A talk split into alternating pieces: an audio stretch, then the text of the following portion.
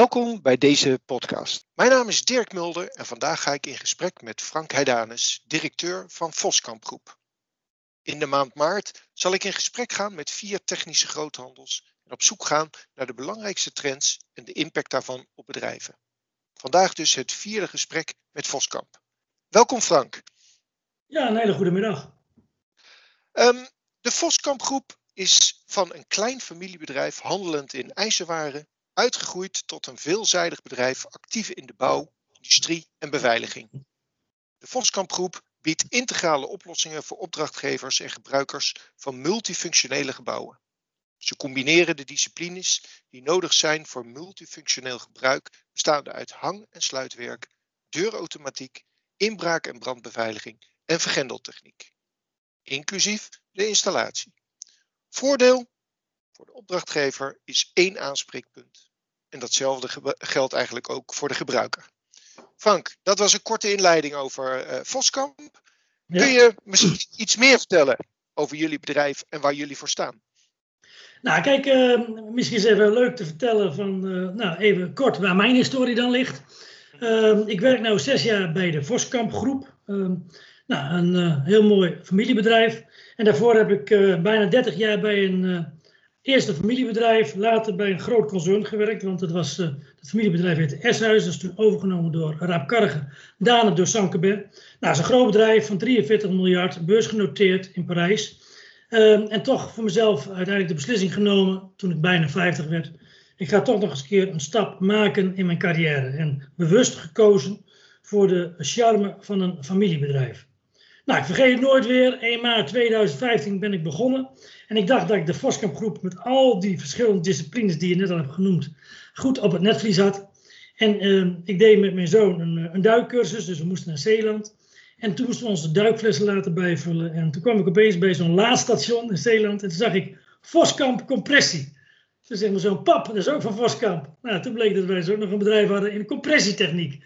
Nou, en dat is eigenlijk de moraal van het verhaal. Zijn heel breed, uh, verschillende staken noemen we dat dan. De grootste staak uh, we doen totaal 100 miljoen met 500 medewerkers. En de grootste taak is bouw en industrie, gericht op levering ijzerwaren, hang- en sluitwerk, kramerijen. Daarnaast is de taak industrietechniek, waar die compressie onder valt. Maar ook uh, de industriële bedrijven als doelgroep, met bijvoorbeeld veel bedrijfskleding.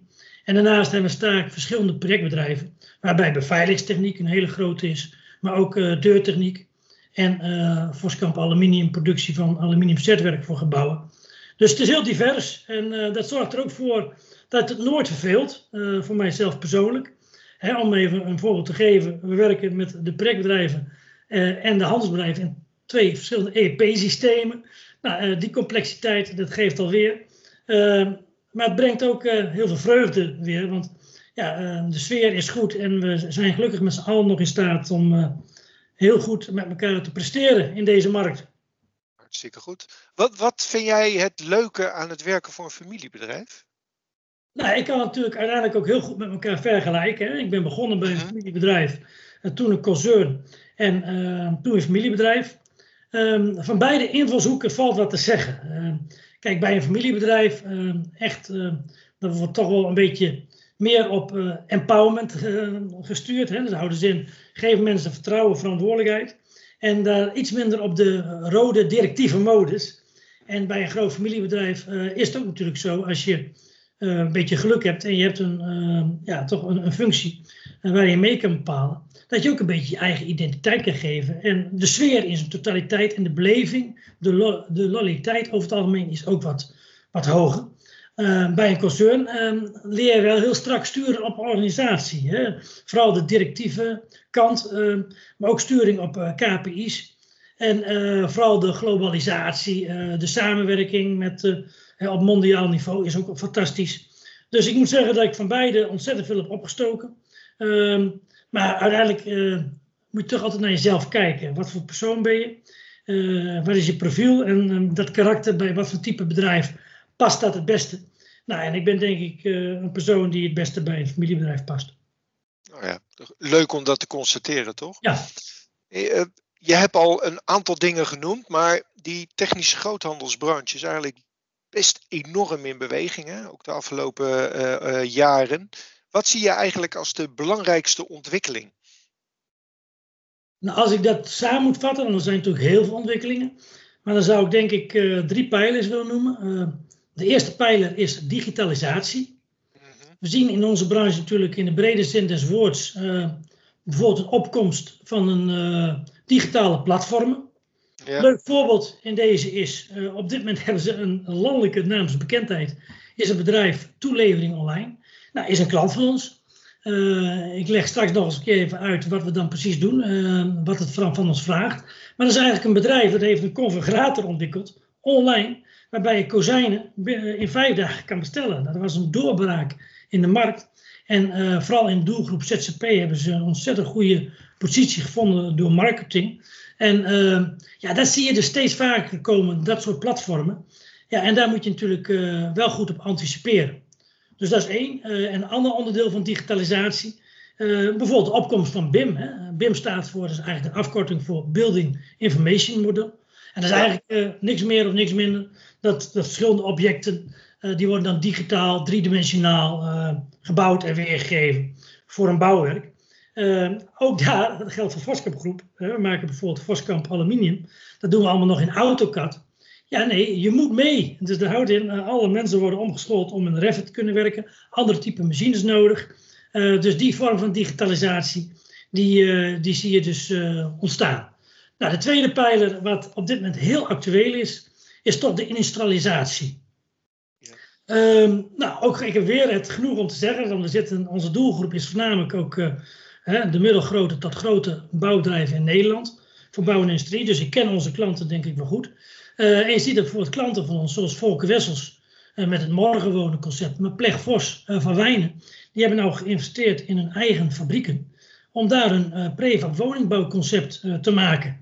Dus zo'n wo zo woning wordt kant-en-klaar in de fabriek gemaakt en wordt eigenlijk in één of twee dagen wordt die, gemonteerd op het werk. Nou ja, ik hoef je niet te vertellen als je dan het weer hebt van vorige week, ja, dan ben je wel in voordeel. Ja, absoluut. Ja. Nou, en dan uh, de derde trend die ik uh, zelf ook heel belangrijk vind, is de duurzaamheid. We zien echt een opmars van de vraag naar duurzame gebouwen en woningen.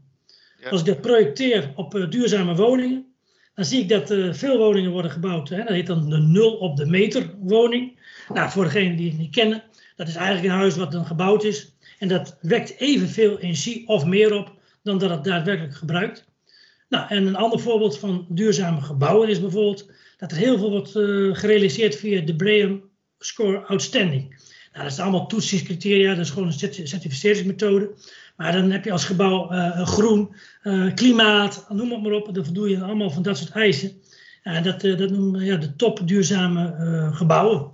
Ja mooie ontwikkelingen. Laten we daar eens wat, wat nader naar kijken. Als je dan kijkt naar die digitalisering en eigenlijk die vervolgstappen, die, die platformisering. Ja. Wat is daarvan de impact voor, uh, voor jullie? Of wat is jullie rol dan in dat traject? Nou, dat is inderdaad een goede vraag. Ehm, kijk, je moet zo zien op het moment. Hè, laat ik maar beginnen met, met de digitalisering. Als ik met het eerste voorbeeld van het bedrijf Toelevering Online. Um, dat bedrijf dat belooft de klant wat. Die belooft de klant binnen vijf dagen te leveren. En die zegt gewoon tegen ons: Ja, Voskamp, doen jullie mee in deze wedstrijd?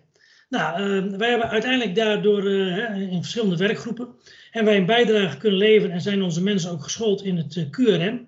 Dat staat voor Quick Response Manufacturing. En eigenlijk zeg je daarmee dat je meehelpt om uh, je klant, in, in dit geval deze kozijnfabriek, om de doorlooptijd van een proces te verkorten. Nou, hoe hebben we dat concreet gedaan? Hè? Uh, wij hebben eigenlijk een, uh, een uh, logistiek model ontwikkeld. Dat heet dan de Vostray. Dat is een mobiele kar. En die mobiele kar, die wordt door ons, bij onze timmerfabriek, bij onze timmerwerkplaats, wordt die eigenlijk gecommissioneerd. We hebben dus voor de timmerindustrie de voorraad staan. En de verschillende onderdelen, dat kan zijn een ventilatierooster, dat kan zijn een profiel, dat kan zijn een dorpel, dat kan zijn het beslag. Wordt allemaal gecommissioneerd op die mobiele Vostray. Die mobiele Vostray moet ook met de vrachtauto's bezorgd worden. Dat kan niet in een bus bijvoorbeeld. En uh, wordt bezorgd bij onze klant. En wordt direct gerold naar de productielocatie in kwestie. En dat is een groot verschil ten opzichte van het traditionele leveringsmodel wat we daar hadden. Dus met andere woorden, je merkt dat dit hele proces een enorme impact heeft toch op, op jullie supply chain, eh, hoe je je voorraden houdt, maar ook hoe je je distributie eh, eh, organiseert. Ja, we waren plat gezegd in het verleden altijd ordinair de voorraadschuur voor de bouw. Ja. nou, daar is echt wel die hele onderscheiden vermogen voor de logistiek is daar gewoon bijgekomen. En er worden ja, van ons veel meer eisen gesteld. Dus het is dus niet alleen even voorraad houden, nee. assembleren ook materiaal. Hè? Dus wij assembleren zelf roostdorpels. die, laten, die liggen in volle lengtes, bijvoorbeeld op voorraad bij onze timmerfabriek. En die worden dan geassembleerd of ingekort, zodat wij aan die leeftijd kunnen voldoen. Datzelfde geldt voor ventilatieroosters. Die uh, liggen in diverse kleuren, in diverse lengtes. En wij moeten dat zelf assembleren. En daarnaast dus uh, de volgende stap. Los van het feit dat je dat in individueel voor het component hebt gedaan, moet je ook nog zorgen dat als totaalorde weggaat. Nou, en dat is best wel een, heeft een impact op onze voorpositie, maar ook op onze kwaliteit van onze mensen die daarmee geconfronteerd worden. Ja. Als je, hè, want die, dat hele digitaliseringsproces, daarvan wordt ook wel eens gezegd, dat zou bedreigend zijn voor de rol van de groothandel. Maar zoals jij het nu schetst, denk ik juist dat het een kans is, want jullie maken je meer, uh, minder misbaar, uh, dus meer onmisbaar in, in de keten. Ja, dat klopt. Uh, ja, wij, wij noemen dat dan hè, de opkomst van disruptors. Hè? Dus uh, partijen die eigenlijk relatief makkelijk hun product kunnen uh, bieden en niet de kostenstructuur hebben die je als organisatie hebt. Dus we zijn ook best wel uh, behoedzaam en, en, alert met een Amazon bijvoorbeeld. Ehm, maar daarom ook zo ontzettend belangrijk om per definitie, ehm, welk bedrijf je ook hebt, dat doen we ook per divisie en per afdeling, om goed te kijken wat is nou daadwerkelijk onze waardepropositie? En daarmee bedoelen we eigenlijk te zeggen van wat is ons onderscheidend vermogen in de perceptie van onze klant. Dus niet in de perceptie van ons, nee, in de perceptie van onze klant. En men praat altijd over USP's, Unique Selling Points. Wij praten altijd over UBR's, Unique Buying Reasons. Wat is nou de reden van een klant? Uh, wat zijn de pijnverzachters voor de klant om materiaal bij ons te kopen?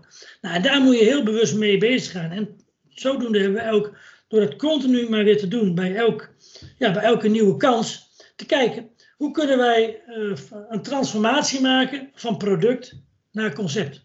Ja, ja. Waarde toevoegen.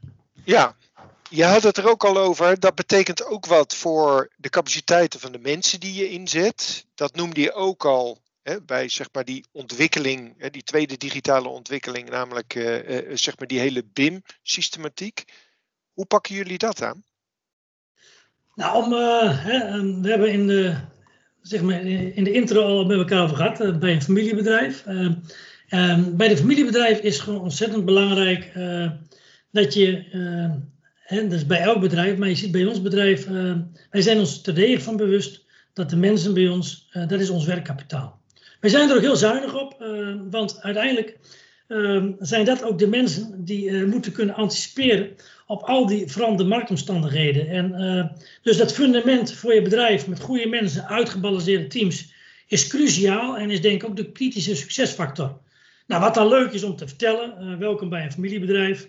Uh, wij hebben fotokernwaarden en die hebben we ook geïnterioriseerd. En wij, uh, de, de Voskamp-medewerker, noemen wij een Vosbok. Nou, Vosbok, uh, dat is een sterk horoscoop. Maar staat ook voor uh, de zes kernwaarden van ons bedrijf. Dat staat voor vakmanschap, ondernemerschap, samenwerking, onderling respect, betrouwbaarheid en klantgedrevenheid. En eigenlijk, hoe hebben we dat nou gelanceerd? Want als je bij een bedrijf komt en vooral groot concern en je begint over kernwaarden, dan zegt men hangt aan de muur. Nou, bij ons hadden wij bijvoorbeeld een collega, Harry de Greef uit Eindhoven, die heeft een eigen bierbrouwerij. Die heeft tijdens de barbecue bokbier gemaakt etiketje. En zo hebben we dat gelanceerd. En dat is bij iedereen gewoon gaan leven. Ja. dat is natuurlijk een fantastische stap geweest. En vanuit die stap zijn we ook heel bewust bezig gegaan met de visie van ons bedrijf. En de visie van ons bedrijf is eigenlijk dat we vanuit mensgericht ondernemerschap uh, echt naar streven dat er plezier op de werkvloer is. Vooral vitaliteit, omdat we denken dat die twee onderdelen uh, um, geborgd moeten zijn voor je continuïteit in de organisatie. Dan moet je overigens wel van bokbier houden. Maar goed, dat is uh, even wat anders. Uh, ja. Frank, jij had het ook over een tweede ontwikkeling, de industrialisatie. Ja. ook dat herken ik. ook dat lees je op dit moment natuurlijk veel in de pers terug van echte bouwers die, die daarmee beginnen. je gaf ook wel de voordelen aan voor de bouwers, maar wat betekent het voor jullie als groothandel?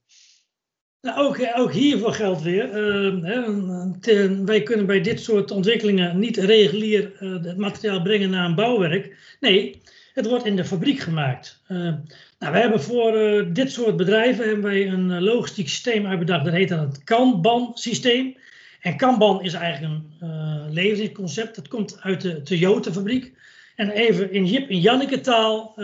je hebt eigenlijk een twee-bakken systeem. Je standaardiseert, uh, je weet precies wat voor materiaal je voor een woning nodig hebt. Dat leg je in een twee systeem op voorraad. Uh, de eerste bak is de werkvoorraad. Is die op, dan komt de tweede bak eraan, dat is de reservevoorraad. En die eerste bak wordt door onze chauffeur opgehaald en omgewisseld. En in plaats van elke dag naar een bouw te rijden, hoeven we nu nog maar één keer per week naar de locatie te rijden. Dus het is ook nog een keer goed voor je uitstoot, hè, voor je CO2-uitstoot. Maar het is ook super efficiënt, want onze klant, in dit geval hè, de fabriek, uh, die, grij, die grijpt nooit mis. Ja, dat klinkt interessant, maar hoe, hoe kom je aan zo'n systeem? Nou ja, uiteraard hebben wij uh, gelukkig ook uh, heel veel diverse mensen aan het werk, die thuis zijn in de verschillende disciplines. Uh, enerzijds uh, hè, door goed te luisteren naar je klant, hè, uh, behoeften van je klant te inventariseren, ga je daarmee aan de slag. Is ook een van onze kernwaarden, hè, ondernemerschap. Ehm, want als jij goed naar je klant luistert en je hebt daar nog geen oplossing voor, dan wordt van de mensen, van vooral onze commerciële mensen verwacht, dat ze vanuit ondernemerschap een oplossing bedenken. Dus dat is één. punt twee, wij sluiten onze ogen natuurlijk niet voor de ontwikkeling in de markt. En er zijn natuurlijk ook al heel veel oplossingen die al door de concurrent of door andere bedrijven worden gedaan. Uh, vanuit een andere tak van sport. Waarbij we zeggen, daar kunnen we wat mee. En dan heb ik altijd een heel simpel motto, uh, Dirk. Beter goed gejat dan slecht bedacht. Dat ben ik helemaal met je eens, uh, toch? Ja. En we, we leren allemaal, hè? Dat, dat, Precies. Zo, zo kan je het ook zien. Ja. Had je het over, hè, want daar zit natuurlijk een hele grote automatiserings proces zit daarachter. Dat is natuurlijk enorm belangrijk. Toch had jij het in het begin nog over dat, er, dat jullie twee verschillende ERP-systemen hebben.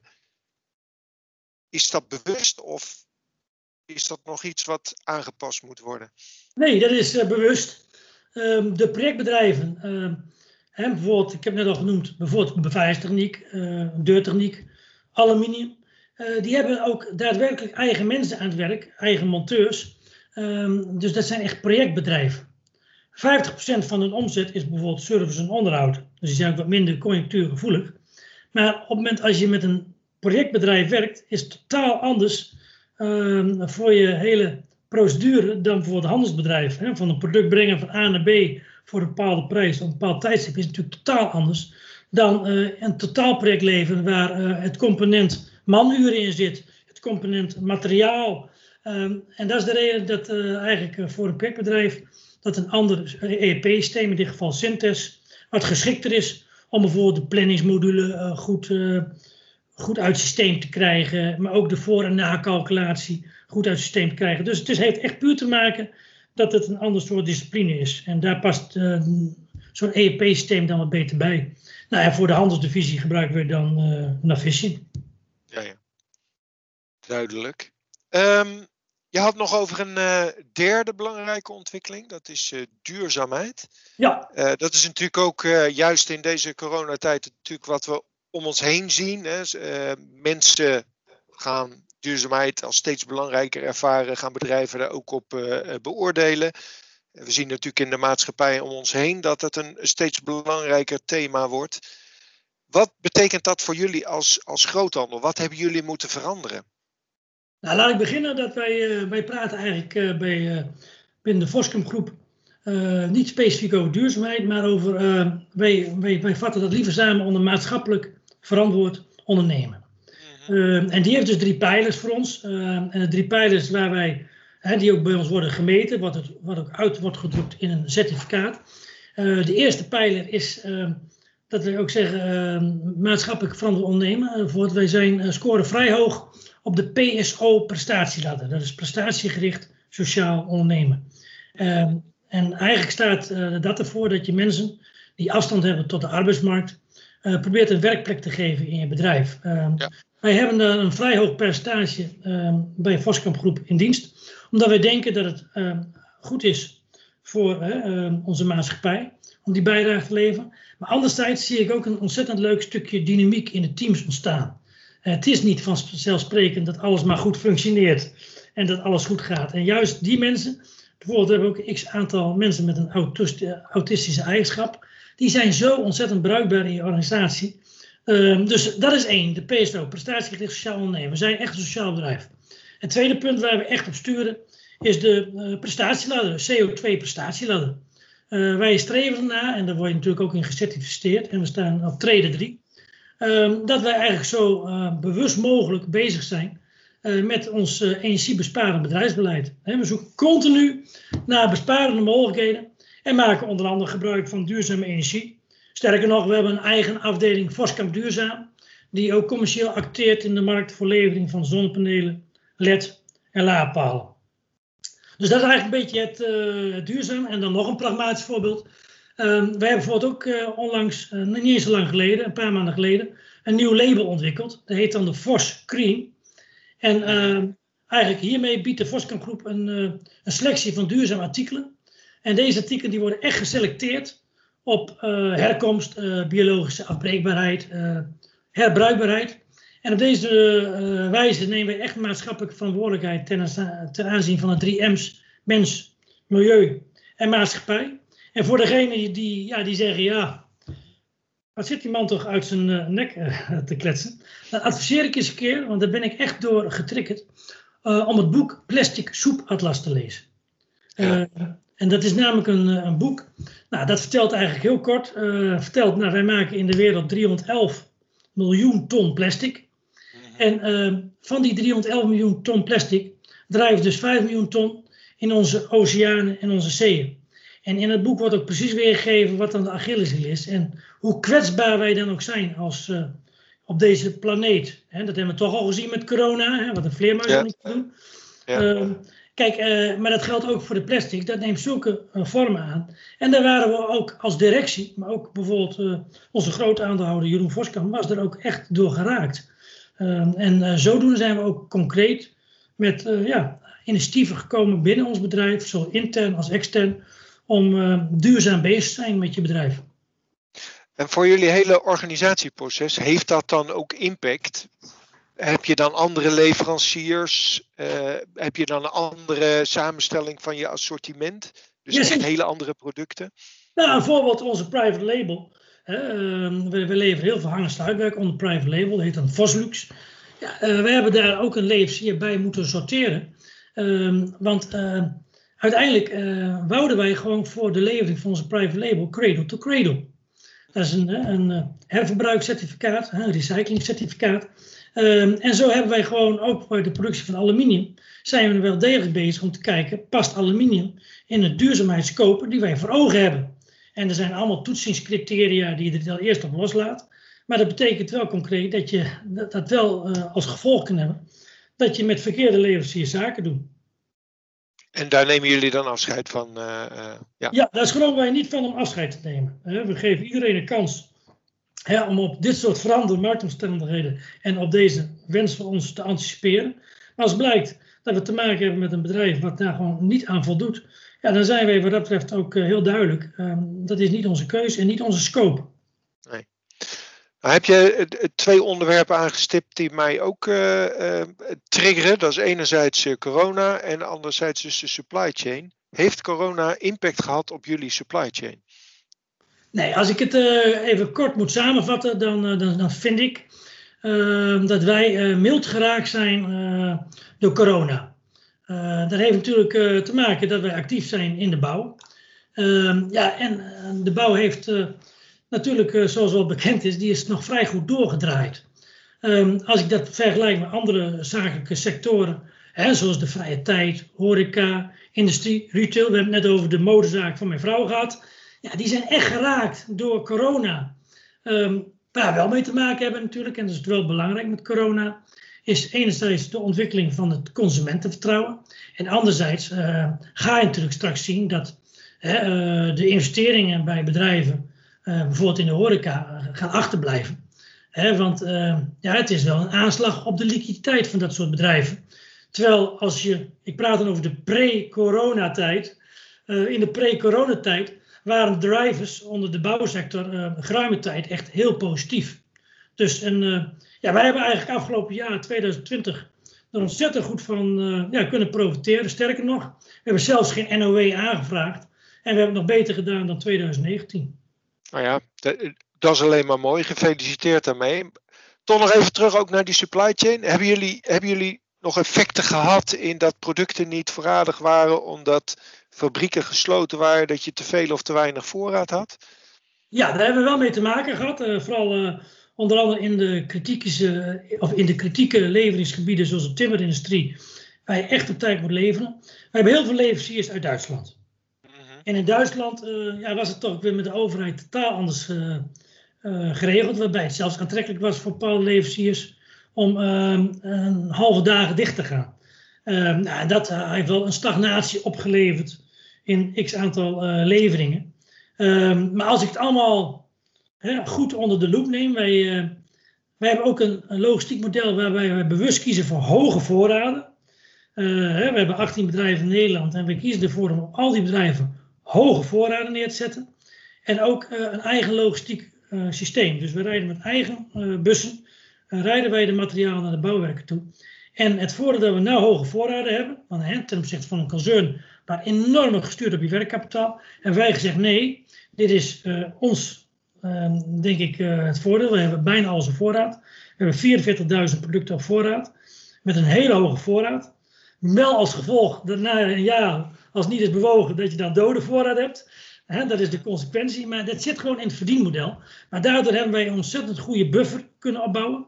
Waarbij ik ook moet zeggen dat ik het bedrijf Slimstock ook dankbaar ben. Want ja, dat, dat werkt gewoon perfect. Je, eh, dat is een voorraadoptimalisatiesysteem. Waardoor je echt uh, seizoensinvloeden, maar ook dit soort factoren kan invoeren in je systeem. En dus zijn eigenlijk ook al tijdig heel hoge voorraden gaan aan, aanleggen. Hebben jullie dan binnen jullie bedrijfstak of binnen jullie bedrijf veel last van dode voorraden? Of Uh, nou ja, kijk, ik kom uit de bouwmaterialen en dat weet ik nog. Daar hebben we best wel, uh, uh, op het moment als, ehm, als een product zich een eh, jaar niet had bewogen, werd er gewoon 60% afgeboekt. En ik kwam rechtstreeks in je verlies- winstrekening terecht. Nou, wij denken daar als familiebedrijf even wat genuanceerder over. Ehm, we hebben dan vier directeuren, vier aandeelhouders. Nou goed, daar ben ik er ook één van. En de discussie met de accountants blijft leuk. Want wij denken namelijk, hè, we doen ook heel veel handel vanuit China. En dan, ja, het is wel eens gebeurd dat de sneeuwschuivers uh, in april binnenkwamen.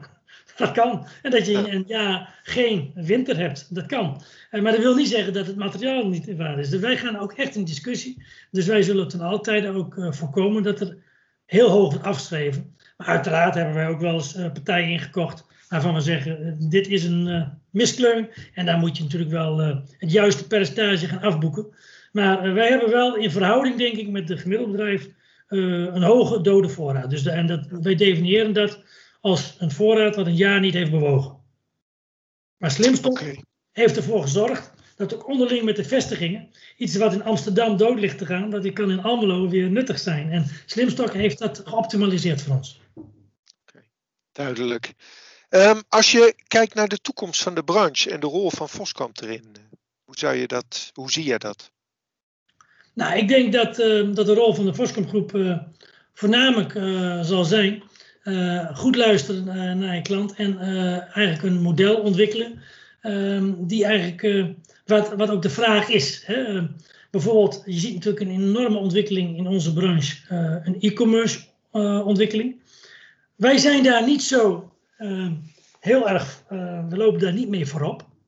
Um, kijk, um, ik zeg altijd, er wordt heel geforceerd met e-commerce omgedaan. En ik denk dat je beter eerst kan kijken integraal naar je bedrijfsstrategie. En als je dat dan goed onder de loep wil nemen, is bijvoorbeeld een heel leuk model. Wat is nou je klantenreis? Hè? Je uh, customer journey touchpoints. Nou, die kun je dan online en die heb je fysiek. Nou, fysiek komen wij bij de klant via onze vertegenwoordiger, via onze balie, via de verkoop, monteurs, chauffeurs. En online natuurlijk via een, uh, denk ik, een, niet echt een extreem goede webshop, uh, social media, maar daar zijn we niet zo extreem actief. Dus dat is voor verbetering vatbaar. Nou, wat is ons doel? En daar zijn we mee bezig. We zijn compleet uh, bezig met ons IT-applicatiestructuur. Ehm, de meeste mensen beginnen uit paniek met een webshop. Nee, beginnen we eerst met de achterkant, de backbone, en de, de backend. En dat betekent concreet dat wij bijvoorbeeld ons PIM-systeem nou helemaal klaar hebben. En ons PIM-systeem, ons product informatie management systeem, dat geeft alle data weer wat je nodig hebt om um, voort in een zoekprogramma goed te kunnen voorkomen.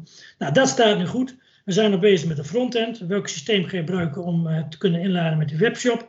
Nou, en daaraan gekoppeld uh, zijn we nog wat meer bezig met wat online touchpoints, waar we wat minder goed in zijn. Um, maar weet je, we hebben het op dit moment gelukkig nog niet direct nodig, want het gaat gelukkig hartstikke goed. Maar we zijn ons terdege van bewust naar de toekomst toe dat dit wel een heel belangrijke ontwikkeling gaat worden in onze markt. En dat onze klant, hè, je hebt te maken met generaties en de bouw is behoorlijk traditioneel. En je ziet dat uh, nou, de oudere generatie, die vindt het gewoon prettiger om te bellen. En de nieuwe generatie vindt het gewoon prettig om gewoon te appen of te bestellen online. Nou, en daar, uh, daar zijn we nog een beetje onze balans in aan het vinden. Oké. Okay. Je had het al, uh, vind ik, een belangrijke tip gaf je mee. tot slot van, van dit gesprek. Heb jij nog een leuke tip voor andere ondernemers?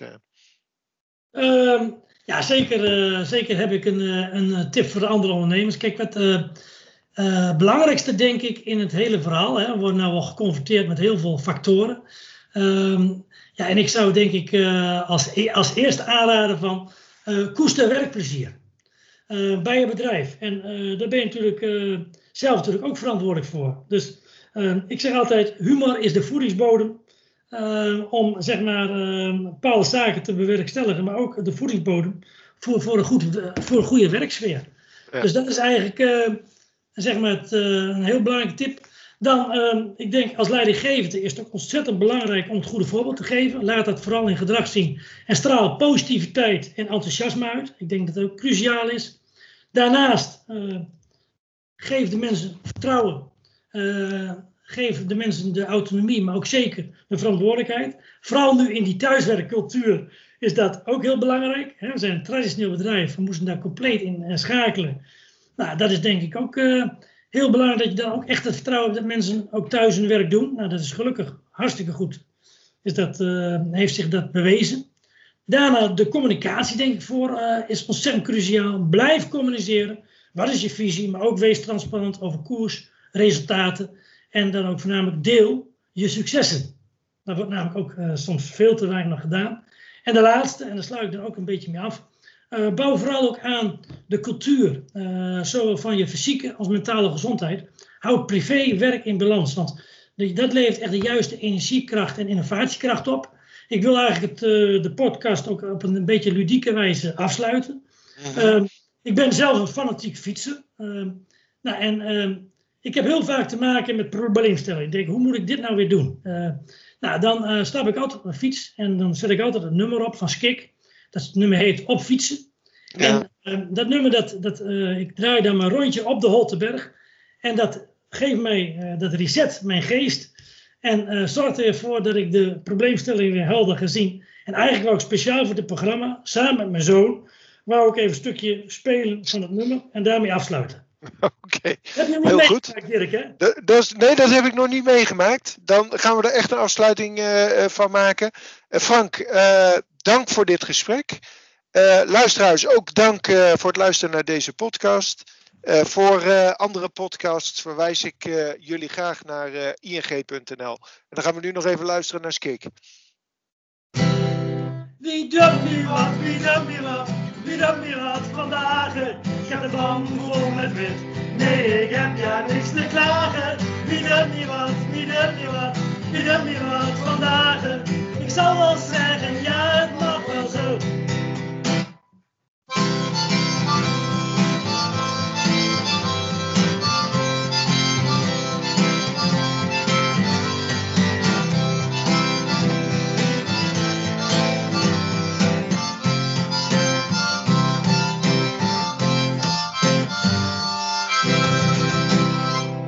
Dankjewel. Ja, heel mooi. Applaus.